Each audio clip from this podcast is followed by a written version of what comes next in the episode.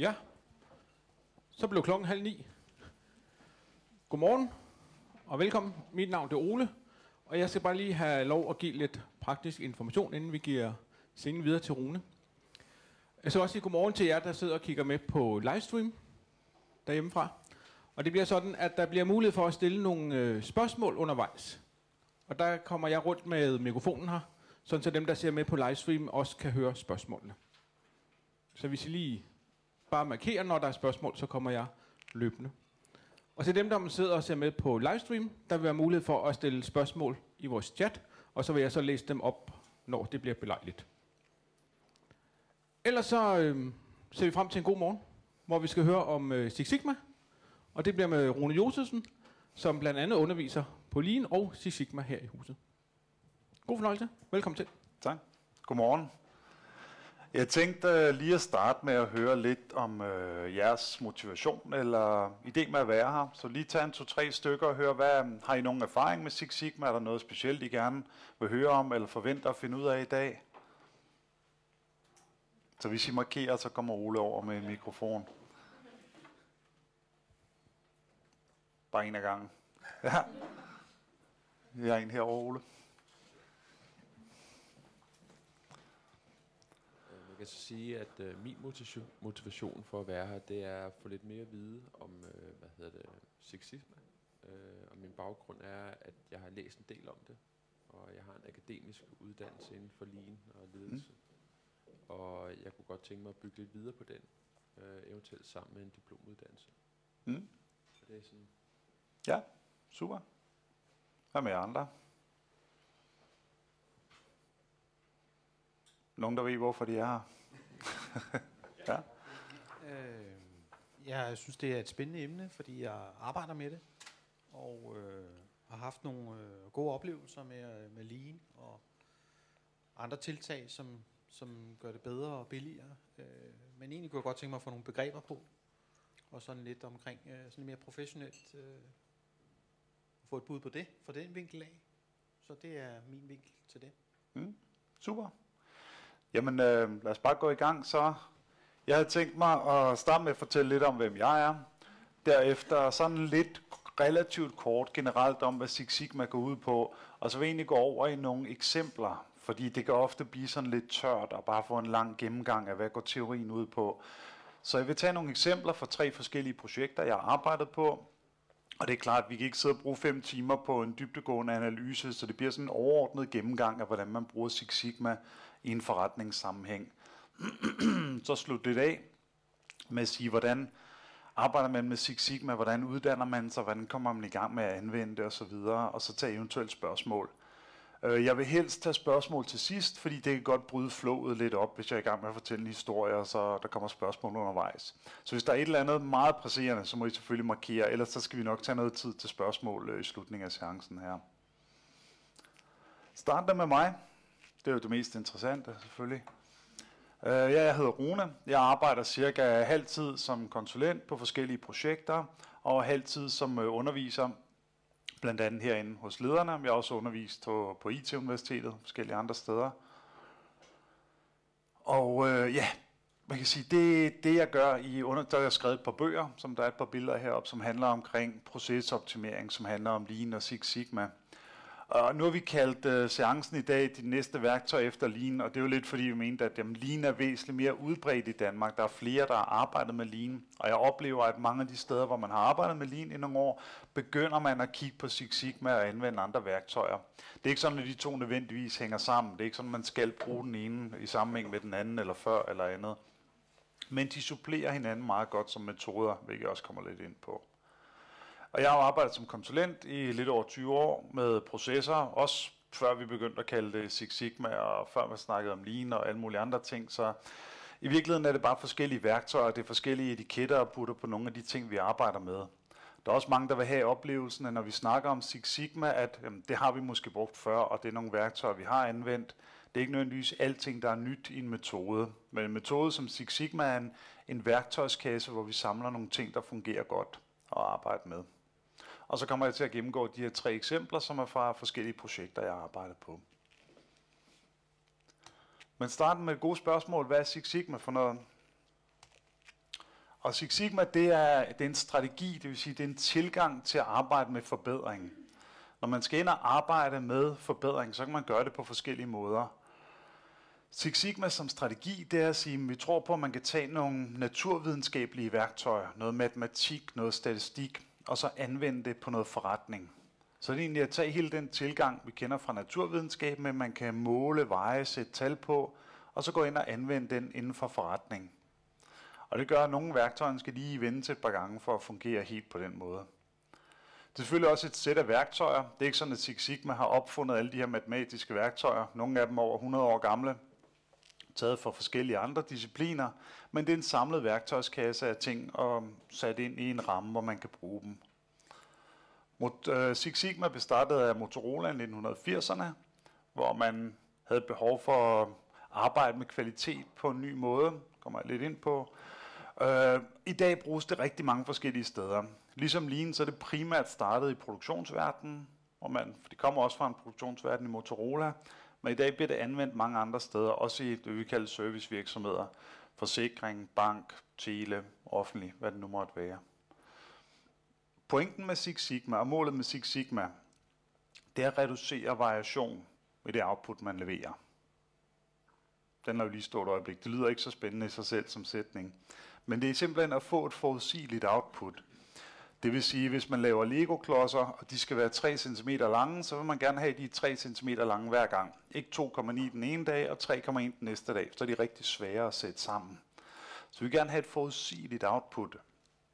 Hvis vi leverer en togdrift, og toget skal køre kl. 12, så vil vi gerne have, det kører kl. 12. Ikke 10 minutter i 12 eller halv 1, men kl. 12. Så det er det, vi sigter mod med Six Sigma. Det er at have et forudsigeligt output, der er det samme hver gang. Kan det så være præcis det samme, så er der lidt omkring, hvor meget må det så variere. Er det ok, hvis toget det kører 12.30? Er nok ikke helt ok. Er det ok, hvis det kører to sekunder over kl. 12? Det kan man måske godt leve med. Så der er et eller andet variation, der er en eller anden acceptabel variation. Og det er det, vi arbejder med i Six Sigma. Finde ud af, hvad kan kunderne acceptere? Hvor stor en variation kan kunderne acceptere? Og hvordan kan vi komme til at ligge inden for den? Og det er både vores færdige produkt eller service, og delleverancer i det, som vi kommer med. Sikre en forudsigelighed. Uh, Six Sigma er meget datadrevet, som der står heroppe. Det er citat, det er noget, der står i Motorolas uh, Six Sigma University. In God we trust, all others must bring data. Og det er meget sådan, at det går ind på at sætte tal på og kvantificere ting. Det kommer fra den her naturvidenskabelige tilgang. At det ikke noget med at have en nogenlunde fornemmelse. Det er noget med at gå ind meget præcist og dokumentere tingene. Det er det, som vi gerne vil gøre i Six Sigma. Og det er en rigtig sund tilgang i mange virksomheder, kan man sige. For mange virksomheder oplever jeg, har måske en lidt afslappet forhold til dataen imellem. Og det kan være sundt at være, få en lidt større grad af præcision. Sammenholdt med Lean, som mange, hvor mange kender Lean og arbejder med Lean, hvis vi tager en håndsoprækning? Ej, det er relativt mange, over halvdelen i hvert fald. Lean har været meget udbredt i Danmark, så jeg synes, det giver mening lige at sammenligne de to.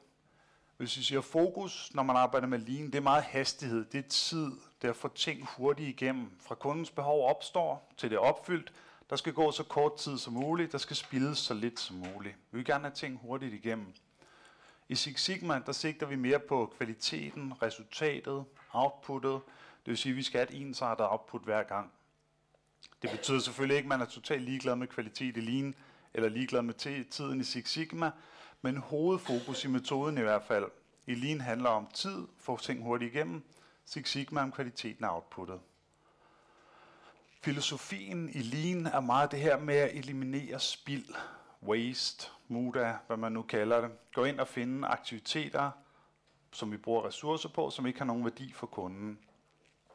I Six Sigma der er det meget det her med at reducere variationen og få et forudsigeligt output hver gang.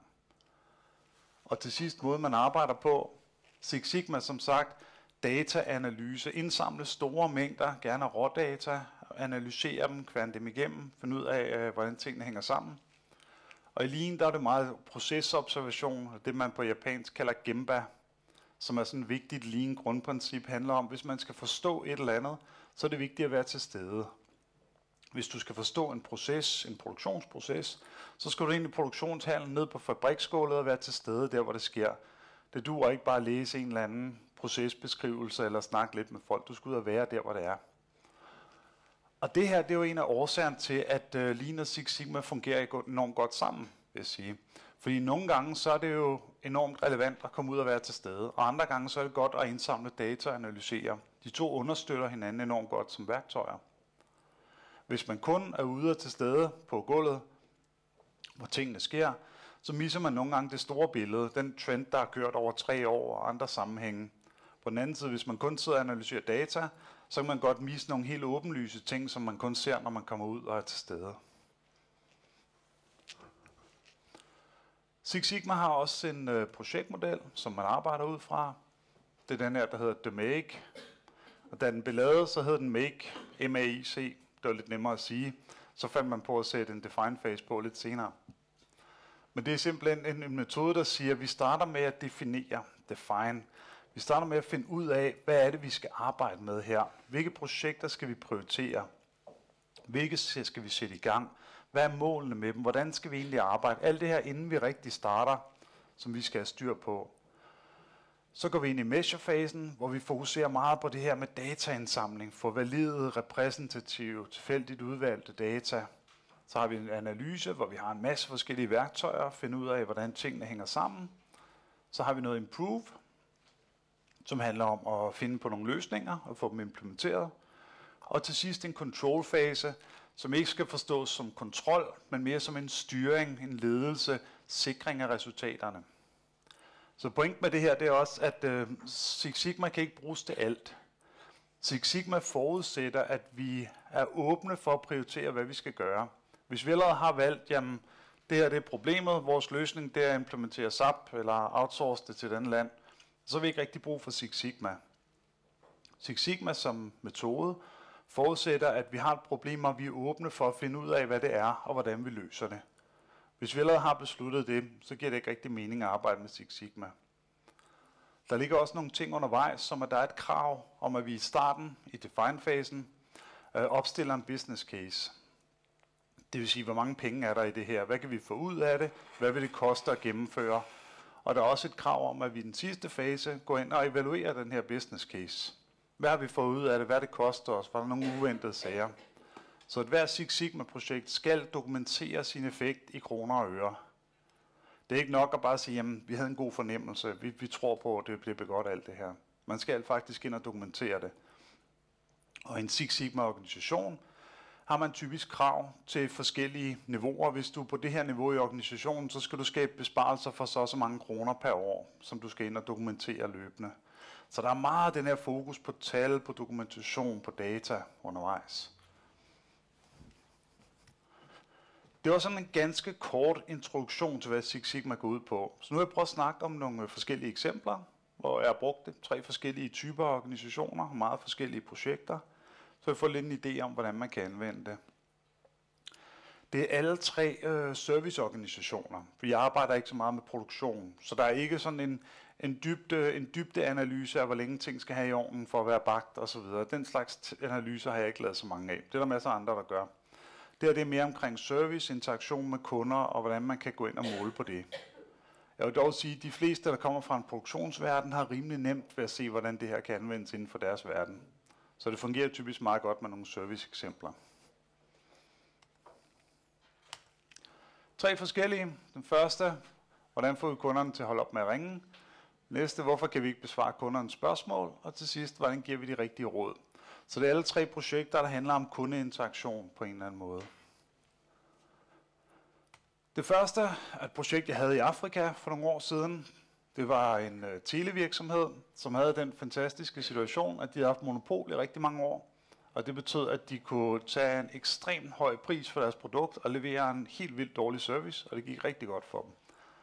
Så på et tidspunkt øh, besluttede regeringen så, at nu skulle der uddeles nogle flere licenser, og der blev givet tre licenser til konkurrenter, og det betød, at nu er de nødt til at stramme sig lidt an lige pludselig og finde ud af at drive deres forretning på en lidt bedre måde. Så de øh, tog nogle øh, konsulenter ind, der skulle ind og hjælpe dem med at kigge på det, og jeg var ansvarlig for at kigge på kundeservice-delen. Og det vi kunne se på kundeservice, det var, at øh, de fik helt vildt mange opkald. Fik millioner opkald hver eneste år. Faktisk så mange, at de ikke rigtig kunne nå at besvare dem. De besvarede kun 10% af alle opkaldene, fordi de kunne ikke nå at følge med. Så enten skulle man ud og hyre 200% flere medarbejdere til kundeservice, eller så skulle man gøre et eller andet smart for at få lidt færre kald, fordi det ville være ekstremt dyrt at besvare dem alle sammen. Og øh, deres kundeservice-direktør, han havde en rigtig god idé til, hvordan han gerne ville løse det her. Han sagde, det vi skal gøre, vi skal bare lægge et gebyr på, når de ringer ind til os, så kan de lære ikke at ringe så meget.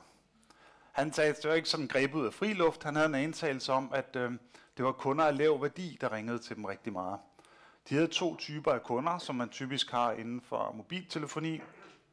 De havde det, man kalder prepaid, som er sådan nogle kunder, der køber et skrabekort, så sætter de 50 kroner ind, og så anvender de så dem forudbetalt.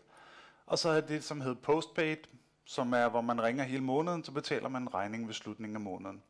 Og de her prepaid-kunder, dem havde de rigtig mange af. Jeg tror, det var omkring mellem 95 og 98 procent af deres kunder. Så vildt mange af dem, men man tjener meget, meget lidt på hver enkelt af dem. Postpaid havde de ikke så mange af, men selvfølgelig en god fortjeneste. Så kundeservice-direktørens teori, det var alle de her prepaid-kunder, som ikke tjente nogen penge på, de lå og ringede hele tiden, og så genererede et underskud.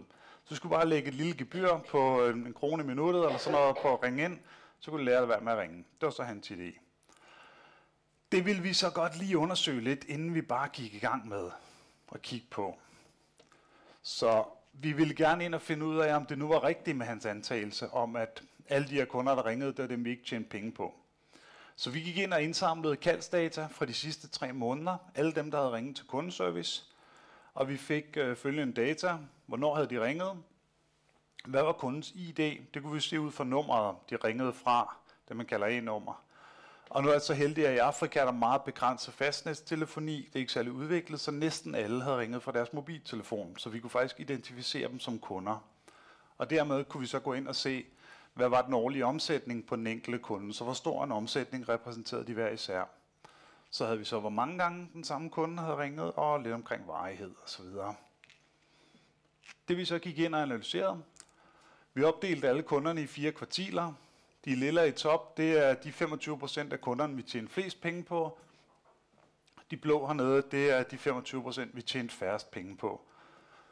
Så det vi faktisk fandt ud af, det var, at øh, dem vi ikke tjente særlig meget penge på, de 25% vi tjente mindst på, de stod for cirka 11% af kaldene. Så de ringede faktisk ikke særlig meget, de kunder vi ikke tjente penge på. Derimod dem, som vi tjente allerflest penge på, top 25 procent, vores bedste kunder, de stod for over 50 procent af kaldene. Så vi var potentielt i gang med, at, hvis vi lagde et afgift på at ringe ind og straffe vores allerbedste kunder og genere dem og drive dem over mod konkurrenten. Så bare som sådan et lille eksempel på, at indimellem er det meget rart at få noget data på, før man bare træffer de der mavefornemmelsesbeslutninger med, jeg tror sådan og sådan. Det her tog selvfølgelig lidt tid, tog et par uger at lave, men det er jo ikke verdens største analyse, og det er et rigtig, rigtig vigtigt resultat.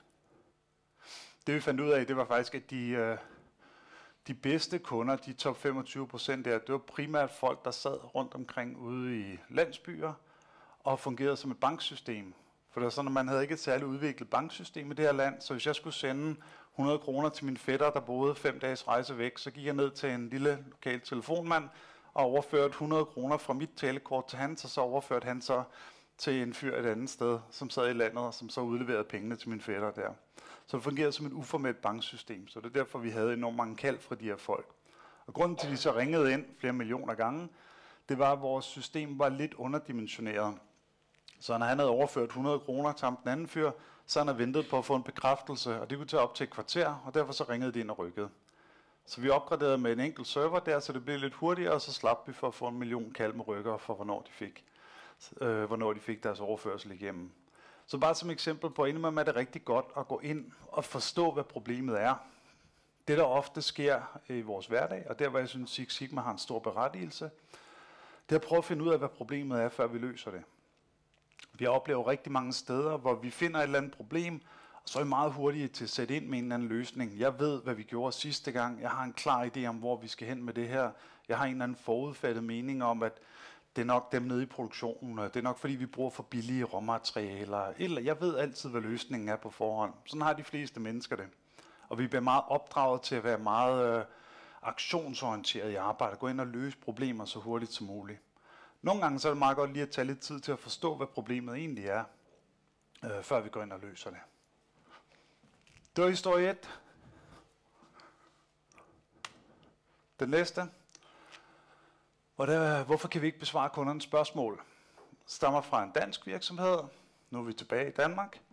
Hvor øh, de havde øh, kigget på det, der hedder FCR, eller First Contact Resolution, som handler meget om, øh, når kunderne de kontakter os, får vi så besvaret deres spørgsmål, eller skal de blive ved med at kontakte os om det samme problem?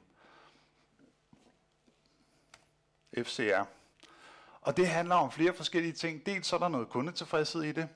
Det er enormt irriterende at skulle blive ved med at henvende sig om det samme problem, fordi det ikke er blevet løst. Dels så er der også øh, nogle penge i det. Det er rigtig dyrt, hvis vi skal have to, tre, fire interaktioner med samme kunde for at få løst det problem. Så det er rimelig interessant at kigge på, både ud fra kundens vinkel og ud fra virksomhedens synsvinkel. Så FCR, First Contact Resolution, det er sådan en procentsats, som man siger, hvis vi har øh, 80% FCR, så 80% af henvendelserne bliver besvaret ved første kontakt. 20% altså inden flere forskellige gange. Og i det her projekt, der havde vi defineret det som øh, tre dage som grænsen. Hvis kunden henvendte sig mere end en gang på tre dage, så sagde vi, så var det ikke en FCR, så var det ikke en første kontakt øh, afklaring. Hvorfor er det altså vigtigt? Hvad er det for nogle ting, der ligger i det? Øh, for det første det her med, at øh, vi bruger en masse penge på det i omkostninger. For det andet kundetilfredsheden. Øh, man fandt, at vi målte sådan løbende kundetilfredsheden. De fandt ud af, at den faldt med 15% for hver ekstra opringning. Og mange af dem ringede altså fem gange om det samme ting, som de skulle have ind og have hjælp med. Så er det omkring salg. En kunde, der har et åbent problem, der ikke er blevet løst, er det rigtig svært at sælge noget nyt til. Og de fleste kundeservicefunktioner vil gerne have en eller anden form for salg, opsalg, mere salg, krydssalg i gang. Til sidst, og ikke mindst medarbejdertilfredsheden. Det er enormt frustrerende som medarbejder at få nogle sure kunder i røret, som lige har snakket med en anden og er enormt utilfreds og bruger de første tre minutter på at brokse over den behandling, de har fået. Det, det gør ikke arbejdet særlig sjovt. Så alt i alt synes de, det var ret vigtigt at komme ind og arbejde med det her FCR, First Contact Resolution. Så det første, vi kiggede på, det er, hvordan ser problemet ud. De har lavet en generel måling, og fundet ud af, at deres FCR-rate, den lå, øh, for jeg mener, det var midt i 60'erne cirka. Det var cirka to tredjedele fik besvaret deres spørgsmål, en tredjedel fik ikke. Og det synes de ikke var helt godt nok. Så det første, vi gjorde, det var at prøve at dele det op på produkter. Sige, er der forskel på de enkelte? Og der er en vis forskel. Der var nogen, der lå relativt godt, som øh, D og H ligger sådan rimeligt. Øh, stadigvæk godt blive bedre men ikke så meget som A'eren, helt ned på 63 procent. Det er rigtig lavt. Så en tredjedel skal faktisk blive ved med at kontakte os omkring det samme. Ikke? Så der er i hvert fald et problem, og det er lidt forskelligt fordelt ud på produkttyper, fandt vi ud af. Vores næste spørgsmål, det er så at sige, jamen, hvis kunden ringer ind igen, hvor lang tid går der? Går der flere dage? Er det med det samme? Så vi undersøgte, hvor lang tid der gik fra første til anden opringning.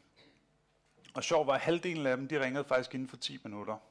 Det er jo ekstremt hurtigt, må man sige det indikerer i hvert fald, altså nogle af de ting, vi snakkede om, det var, er det bare fordi, de får at vide, at du skal lige genstarte din computer, og så prøve at ringe igen, eller du skal lige et eller andet. Altså 10 minutter, det er meget kort tid.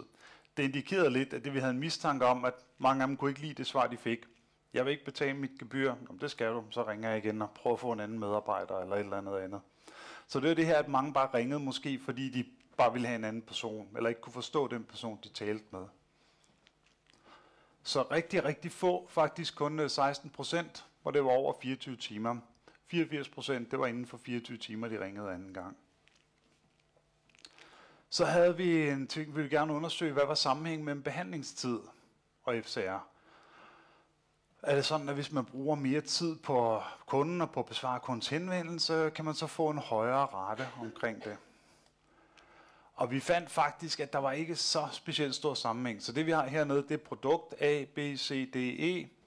Og så har vi lavet fire forskellige typer. Vi har kaldt det, vi kalder en hole-in-one, som er den grønne. Det er kunden ringer ind for at besvare sit spørgsmål. Der er ikke flere problemer. Så har vi det, vi kalder en opstarter, som er, jeg snakker med kunden, det første opringning, men jeg får ikke løst problemet. Kunden ringer til os igen. Så har vi en viderefører, som var den her, det vil sige, kunden har snakket med Ole allerede, nu kommer kunden ind til mig, jeg får heller ikke løst problemet, så nu kommer den ind en tredje gang. Og så havde vi en afslutter herop, som er det sidste kald, hvor der har været mere end et. En, der får lukket kaldet, får det virkelig afsluttet. Og der er jo ikke sådan noget klart billede af, at man for eksempel ved at bruge mere tid på den grønne får dem lukket. Der er ikke noget klart billede i forhold til det. Vi fandt faktisk ikke den store sammenhæng med tid. Og jeg tror, at konklusionen, da vi kom lidt videre, så det var også, at der er mange forskellige årsager til, at et kald ikke bliver afsluttet. Det var ikke bare et specifikt problem eller en specifik type medarbejder, vi var inde og kigge på. Det næste og mest interessante i virkeligheden, det var at sige, jamen hvorfor ringede du så ind igen? Så vi øh, tog og identificerede 200 kunder, som har ringet ind mere end en gang, og så havde vi ringet op til dem og spurgt, hej, må vi lige stille et par spørgsmål her, og så, hvorfor var det, du ringede flere gange? Og det vi fandt ud af her, cirka en fjerdedel, det var egentlig ok. 9% sagde, at man skulle lige tænke lidt over det. Det kan vi ikke gøre så meget ved. 15% ringede ind om forskellige ting. Og det kan jo ske, når vi bare har defineret det som samme kunder ringer ind for tre dage mere end en gang. 19% sagde, at de ikke fik nok information, og derfor er nødt til at ringe igen. Det er jo et klart kvalitetsproblem hos os som virksomhed. 9% ringede igen, fordi de ikke ville acceptere det svar, de fik. Og der har vi også et problem i forhold til styring af samtalen, også i forhold til, om vi har en ensrettighed i forhold til, hvordan vi reagerer på kunder. For hvis kunder først en gang har oplevet, at de kunne ringe ind igen, så kan du få et bedre svar, så vil de gøre det hver eneste gang fra nu af. Og så genererer vi bare ekstra arbejde for os selv. 14 procent siger, at de får forskellige svar fra forskellige medarbejdere, hvilket heller ikke er så positivt i forhold til vores kvalitet og vores ensrettighed af det, vi arbejder med. Det næste, vi gerne vil undersøge, det var at gå ind og kigge på, jamen hvad så med den enkelte medarbejder? For nu har vi meget kigget på tværs af hele medarbejdergruppen her. Hvor stor forskel er der på de enkelte medarbejdere? Og vores håb, det var jo, at vi kunne identificere sådan en, en 10% af medarbejderne, som måske havde et problem med at få afsluttet henvendelser. Så kan vi give dem noget coaching og træning og trække dem lidt op og gøre det hele lidt bedre. Men vores første analyse, den viste, at de var stort set alle sammen ens. Der var 10 procentpoint fra den dårligste til den bedste, og det er ikke rigtig nogen forskel på tværs af flere hundrede medarbejdere. Så det er lidt et problem. Hvis ikke der er noget, der stikker ud i en analyse, noget, der skiller sig ud, så er der ikke så meget, vi rigtig kan gøre ved det. Indtil vi efter flere analyser fandt ud af at tage en anden faktor med. Så det første, vi lavede her, det var øh, de blå, den blå linje i midten. Så hver enkelt trekant repræsenterer en medarbejder. Og kan I se, den går fra cirka 65 til 75 med et par enkelte, der lå lidt lavt hernede. Ham hernede fandt vi ud af, øh, eller de her to faktisk, gjorde begge to det samme. De lå ekstremt lavt. Halvdelen af alle deres kunder, de ringede ind igen. Jeg tænkte, det vil simpelthen ikke forstå. Det virkede meget, meget lavt. Øh, så der var en, der gik ind og lyttede, og fandt ud af, at de gjorde begge to det samme. De tog telefonen, sagde velkommen til selskabets navn, så satte de den på lydløs, og så sad de og spillede computer ind til kunden lagde på. Og det passede sådan cirka med samtaletiden, var den samme som de andre. Øh, de tog cirka lige så mange kald som de andre. Alle deres kunder ringede bare ind igen, hvis ikke de bare gav op og ikke gad ringe mere. Så det var sådan en ting, man fandt ud af at kigge på data her. Men alle de andre, der lå sådan lidt mere samlet, de lå lidt for tæt, til vi rigtig kunne få for meget ud af det. Indtil vi fandt ud af at prøve at dele det op på produkter. Så vi tog for hver enkelt medarbejder og sagde, hvad er dit dårligste produkt? Det er så den røde. Hvad er dit bedste produkt? Det er den grønne. Og så kan I se, så var der lige pludselig kæmpe stor forskel i dem. Så er der meget stor variation. Og faktisk fandt vi ud af, at øh, nogle af de folk, man havde til at træne andre i et givet produkt, havde ekstremt lave FCR-rater på det. Var enormt dårlige til selv at behandle henvendelser omkring det her produkt. Så lige pludselig begyndte vi at få nogle kvalitetsdata, man ikke havde haft før. De har meget kigget på sådan, hvor mange kald kan du håndtere, og hvor lang tid er du om at håndtere sagen, som er sådan meget effektivitetsdata. Vi har ikke rigtig haft så meget omkring kvaliteten, fordi det er typisk lidt sværere at måle. Så det gav et helt nyt input i, hvilke medarbejdere er egentlig gode til hvilke produkter, og hvilke skal ind og trænes og coaches noget mere i nogle af de enkelte produkter. Hvordan brugte vi så det her? For det første begyndte man at bruge FCR som øh, et værktøj i coachingen løbende. Hvilket produkt er du bedst til? Måske kan du lære nogle andre omkring det. Hvilket produkt skal du selv have noget mere viden, noget coaching? Måske skal vi lytte på nogle kald, give dig nogle tips omkring det.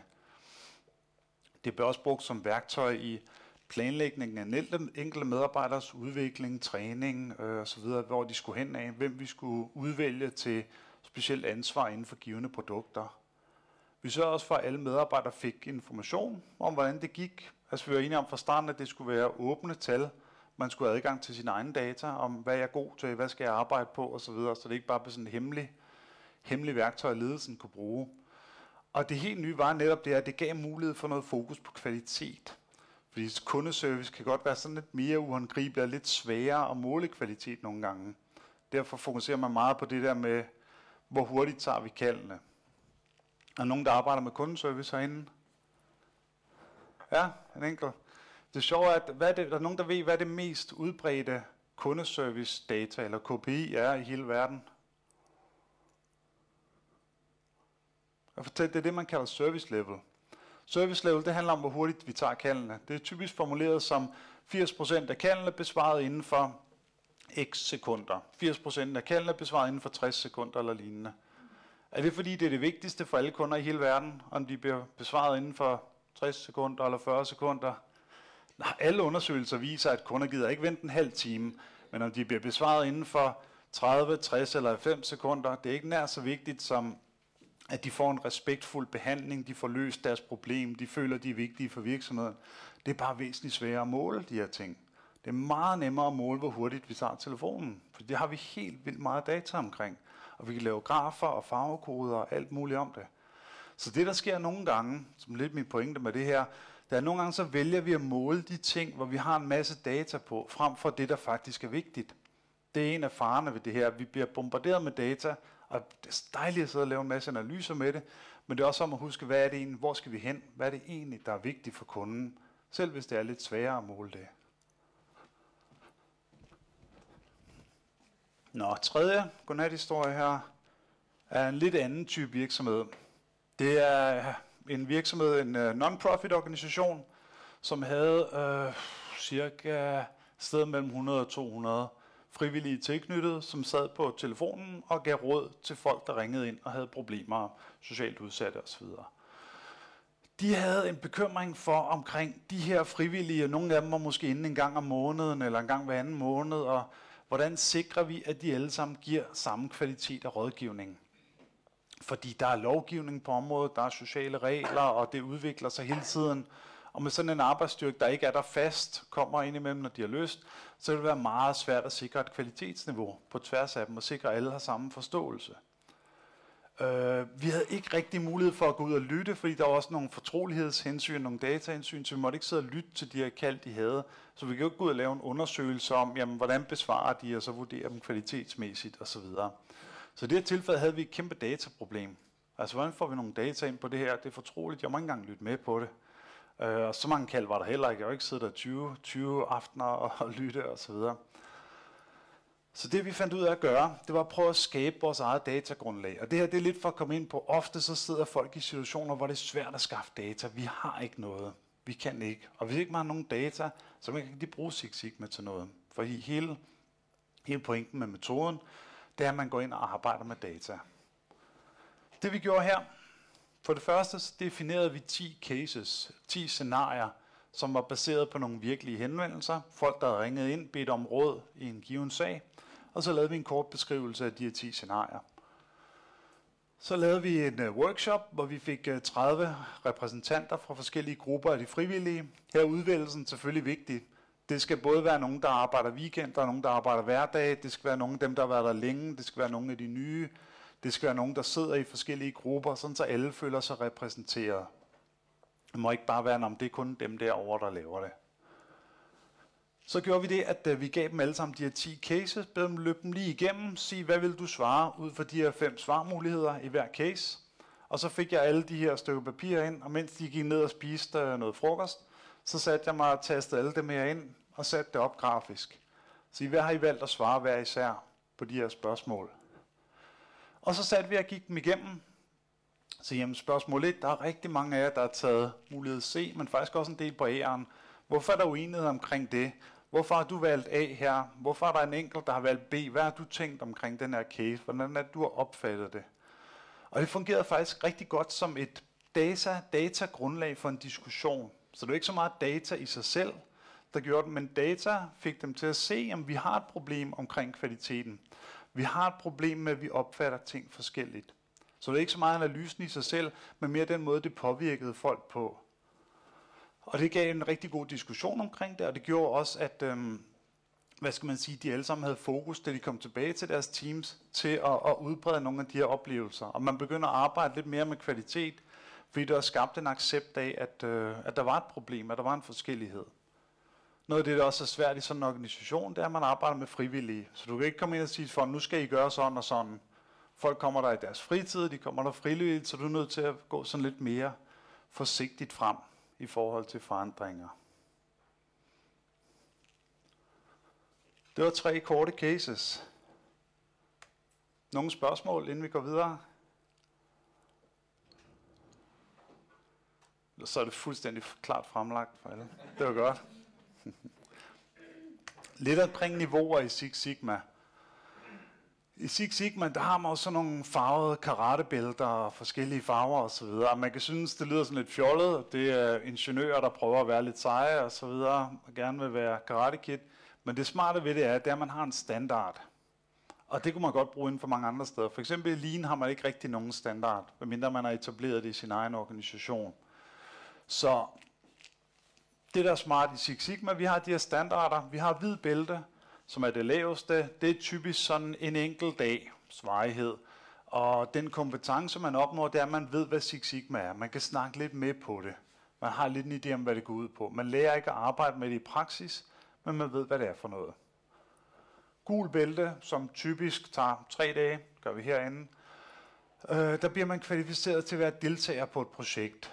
Det vil sige, man ved ikke nok om Six Sigma til, at man kan arbejde alene med det, men man kan deltage, man kender, værktøj, man kender nogle kerneværktøjer, og man forstår metoden overordnet. Grøn bælte, det er det næste trin, øh, og det tager lidt længere. Det tager 10 dage, plus man skal lave et projekt.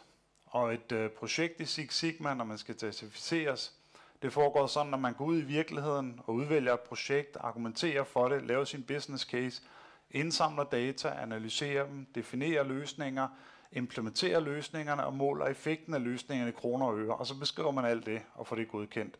Så det er en relativt lang sag. Altså, grøn bælte vil typisk tage sådan en 6-12 måneder at gennemføre, fordi man skal ud og ændre noget i virkeligheden. Og med grøn bælte er man øh, kvalificeret til et, det, vi kalder køre simple projekter. Det vil sige typisk en afdelingsleder, der måske skal køre noget inden for sit eget område. Det er ikke folk, som er en, der arbejder fuldtid med Six Sigma. Sort bælte, øh, der er væsentligt mere analyseværktøj på, større krav til kompleksiteten af de projekter, man skal lave for at blive certificeret, 20 dages undervisning, og tager typisk et til to år øh, at gennemføre. Og det er ikke fordi, det handler om, at man skal køre det specielt hurtigt. Det er mere fordi, man skal ud og køre projekter i virkeligheden. Det tager bare noget tid. Og det kan også være efter projektet, at der går et halvt år, før man kan dokumentere effekten af det. Så er man nødt til at vente på det. Men det er en meget god eksamensform. Det er virkelig en meget bedre eksamensform, end det er at komme ind og lave en skriftlig prøve, eller sidde i 20 minutter og fortælle om et eller andet. Fordi man lærer faktisk at bruge tingene som en del af det. Så det er meget mere givetigt som studerende, som eksamensform sidde og lave sit projekt, så sender man det ind til sin vejleder, så får man noget feedback. Du skal lige arbejde på sådan og sådan, så gør man det, så sender man ind igen. Så det er sådan en ping-pong øh, frem og tilbage, indtil det bliver godkendt. Så på den måde er det egentlig en meget god læringsform, man har i forbindelse med godkendelse af det her. Så er vi på højeste niveau, det vi kalder Master Black Belt, og der er ikke mere analyse og data osv., det er mere sådan en ledelsesrolle, hvor man styrer, hvis vi har en stor organisation med hundredvis af Six Sigma-folk, så er det en, øh, en ledelse i forhold til dem. Hvordan anvender vi metoden her i vores organisation? Hvilke værktøjer bruger vi? Hvordan fungerer vores udvælgelse osv. af det? Øh, sparring i forhold til andre sortbælter i organisationen. Og når det tegnes som sådan en pyramide, så er det jo fordi, typisk har man jo rigtig mange af de her nede. lidt færre af dem, lidt færre deroppe af, og på Master Black Belt, der har man måske en, to, hvis det er en meget, meget stor organisation. Mm. Ja, vi, har, vi skal have en mikrofon over her. Når man tager Green Belt for eksempel, er det så en certificering, der holder mere end et år? Ja, og lige tage fat i de her certificeringer. Ja. Det, der er lidt ærgerligt ved, Prince, øh, ved uh, Lean Six Sigma i forhold til for eksempel Prince 2, det er, at der er ikke nogen ejer af standarden. Prince 2, der er sådan et, et selskab etableret af den engelske regering, der ejer den her standard, og de kan meget præcis sige, at du skal leve op til sådan og sådan, og du skal certificere sådan og sådan. Øh, der er ikke nogen, der ejer Six Sigma-standarden. Og det betyder, principielt så kan hvem som helst nedsætte sig og sige, hey, jeg giver dig lige et sort bælte, hvis du giver mig 500 kroner. Øh, Så jeg vil sige, man skal overveje, hvor man tager det henne. Der er forskel på seriøsiteten af udbydere. Så hvis jeg fik en jobansøgning, eller skulle arbejde sammen med en eller anden, som sagde, at jeg er Six Sigma certificeret, så vil jeg helt klart spørge, hvorfra. Er det et eller andet rimelig anerkendt sted, eller er det et eller andet mere eller mindre hjemmelavet? Uh, og sige, selv i Danmark er der forskel på seriøsiteten af udbydere, så vil sige, man skal lige kigge sig for i forhold til det. Mm. Der er en herovre.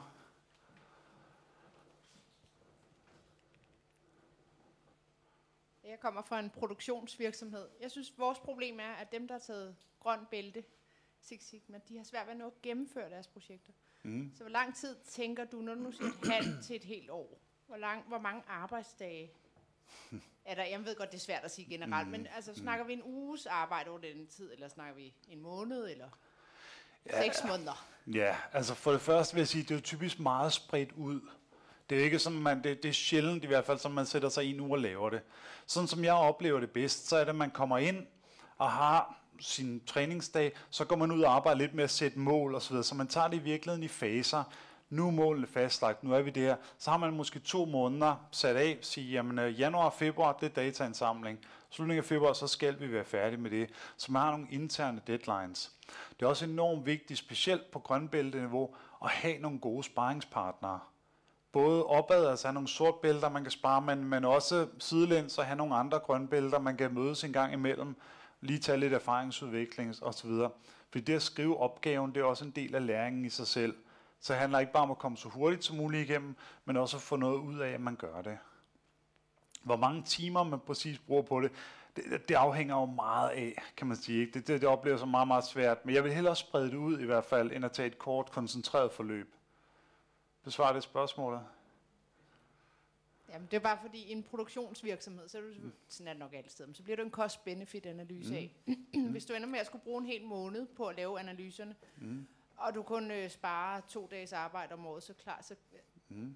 så bliver det ikke så mange af den slags analyser, man øh, kaster sig ud i. Nej. Og det er selvfølgelig svært at sige upfront, det er med på, mm. fordi at nogle gange, så kan du ikke få noget ud af dine data. Mm. Øh, men det er bare det, jeg kan se er problemet for de kollegaer, der har taget Mm. Six Sigma, at de simpelthen Mm. ikke får tiden til at, øh, Mm. i hvert fald gentage en gang. Hvis man hver gang siger, at sådan et projekt tager et halvt til et helt år at gennemføre, så skal det godt nok være nogle store projekter for, at der øh, Ja. ligesom, at de er værdiskabende nok. Ja, og der skal man så overveje, at måske skal man så tage nogle mindre projekter, som ikke tager så lang tid, men stadigvæk har en eller anden benefit, hvis det er. Det er klart, at i første fase, indsatsen skal stå mål med, hvad man får ud af det. Ellers er det ikke et særligt godt Six Sigma-projekt. Så det kan godt være, at det er i udvælgelsesfasen, man i virkeligheden skal bruge noget mere tid. Så vil jeg sige en anden fordel ved Six Sigma, nu ved jeg ikke, hvor mange I uddanner i det, men øh, en af de ting, det, det er svært at være den eneste Six Sigma-person i en virksomhed, fordi så går man og siger en masse ting, som andre ikke forstår, og som de synes er lidt mærkelige. Altså jeg vil sige, jo flere folk man har, som har en forståelse af Six Sigma, jo mere mening giver det.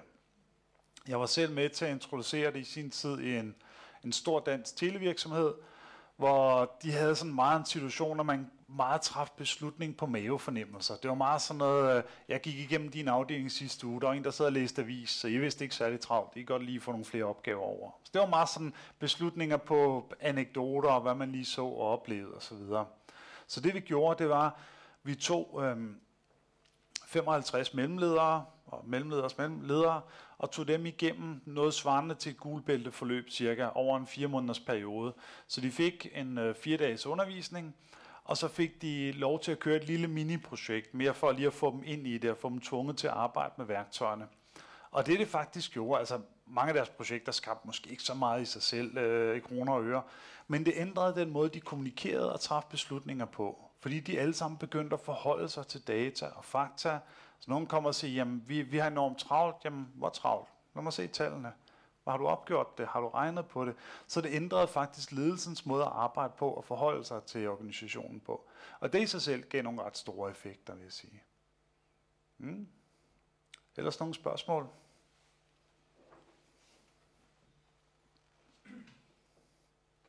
Er der nogle online spørgsmål, eller hvad?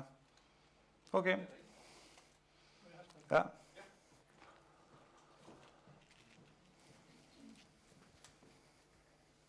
Så hvis man er en virksomhed, som er datadreven fra starten af, så behøver man ikke Six Sigma. Eller hvad? Det kommer an på, hvor godt man har styr på det, kan man sige. Ikke? Der findes jo også virksomheder, som har masser af data, men det er ikke de rigtige data, eller de bruger dem ikke på samme måde. Jeg vil snart vende det om og sige, hvis man er i en virksomhed, hvor man ikke er datadreven og ikke har lyst til at være det, så er Six Sigma et rigtig dårligt valg. Og det findes jo. Der findes jo virksomheder, hvor vi siger, vi, vi kan ikke lide at arbejde ud fra data. Jeg kan godt lide at arbejde ud fra mennesker og mine fornemmelser osv. Det er der nogle ledere, ledere der gør. Uh, bare fordi man siger, at man er datadreven, når man har data tilgængeligt, så er det ikke sikkert, at man anvender dem rigtigt, eller opstiller de rigtige mål, eller forholder sig til det rigtige. Nu, og nu snakker jeg jo også om Six Sigma som en meget stor pakke. Man kan jo, en, man kan jo bruge det, implementere det, anvende det på forskellige niveauer. Man kan vælge at sige, at hele vores virksomhed skal være datadrevet, vi skal måle og veje alt og træffe alle beslutninger ud fra det, men det er en meget stort skridt, det er en meget stor beslutning. Det kræver også, at man skal have en masse matematikere ansat og en masse ting.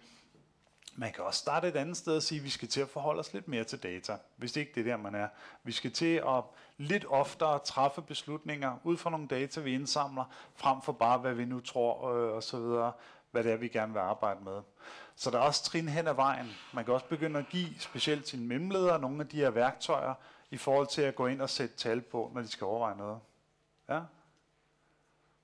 Jeg har et spørgsmål til selve certificeringen. Altså de dage, der står over øhm, mm. øh, overskrifterne, er det træningsdage? Det er dage på skolebænken, ja. Så er der selvfølgelig noget arbejde ud over det. Er det, er det delt op i sådan to dage, to dage, og så skal man gøre ja, noget imellem? Ja. Eller? Vi kører for eksempel øh, grøn bælte, så vil det typisk, typisk fungere sådan, at du tager et gul bælte først. Det er tre dage. Og de tre dage, de ligger lige op. Fordi det er ligesom det. Når man så har overlevet gul bælte og kommet igennem og stadigvæk har mod på mere, når man så kommer til grøn bælte, så er det typisk delt op med en eller to dage ad gangen over en 4-5 måneder. Så det vil være sådan, du kommer ind, har en dag, hvor vi snakker, hvordan opstiller vi mål og udvælger projekter. Så går du ud, så har du en måned til at opstille mål og udvælge dit projekt og definere det, hvor du løbende har noget kontakt med en vejleder. Så kommer du ind efter en måned, så har man måske to dage, hvor vi snakker om at indsamle data, og så går man ud og indsamler data og anvender, fordi du kan ikke rumme 10 dage på en gang. Altså det vil være helt urealistisk, det er alt for meget. For det er jo, det er jo tung stof. Ikke? Så lige sidste spørgsmål. Der står mm. ikke nogen dage på den øverste? Nej, og det er fordi, det varierer enormt meget. Fordi det er mere en, øh, der kommer ikke mere analyse, der kommer ikke mere statistik osv. Det er mere ledelsesfag, ledelsesrolle osv. Jeg vil sige, jeg, jeg er black belt for eksempel. Jeg er ikke master black belt, for skal man være det, så skal du være ansvarlig for at anvende Six Sigma i en organisation, og det bliver jeg aldrig som konsulent. Så det vil ikke være reelt at kalde mig master black belt, selv hvis jeg fandt nogen, der vil give mig en eller anden certificering. Så det er også, hvilken rolle du har i en organisation. Det er ikke nok bare at tage en uddannelse. Du skal ud og anvende den bagefter. Det er jo det, du virkelig lærer at bruge den. Så det er meningsløst at tage en black belt, hvis du ikke kommer til at arbejde med det. Jeg har også mødt ledere, som synes, det lyder enormt godt at have sådan en sort bælte ting, og det lyder lidt sejt, og så, men de har aldrig brugt den til noget. Så er det fuldstændig værdiløst. Så det er også, jeg vil ikke nødvendigvis sigte for højt, ved starten. hvis jeg skulle anbefale noget, så vil jeg sige, tag gul bælte, brug den i et års tid, eller et halvt år, så tag måske grøn bælte efter det, så brug den et stykke tid. Det er klart en bedre måde at lære på. Det er meget stort spring at gå fra ingenting og så op til sort bælte. Det er rigtig meget, man skal lære på kort tid i virkeligheden. Ikke? Er der også nogle spørgsmål?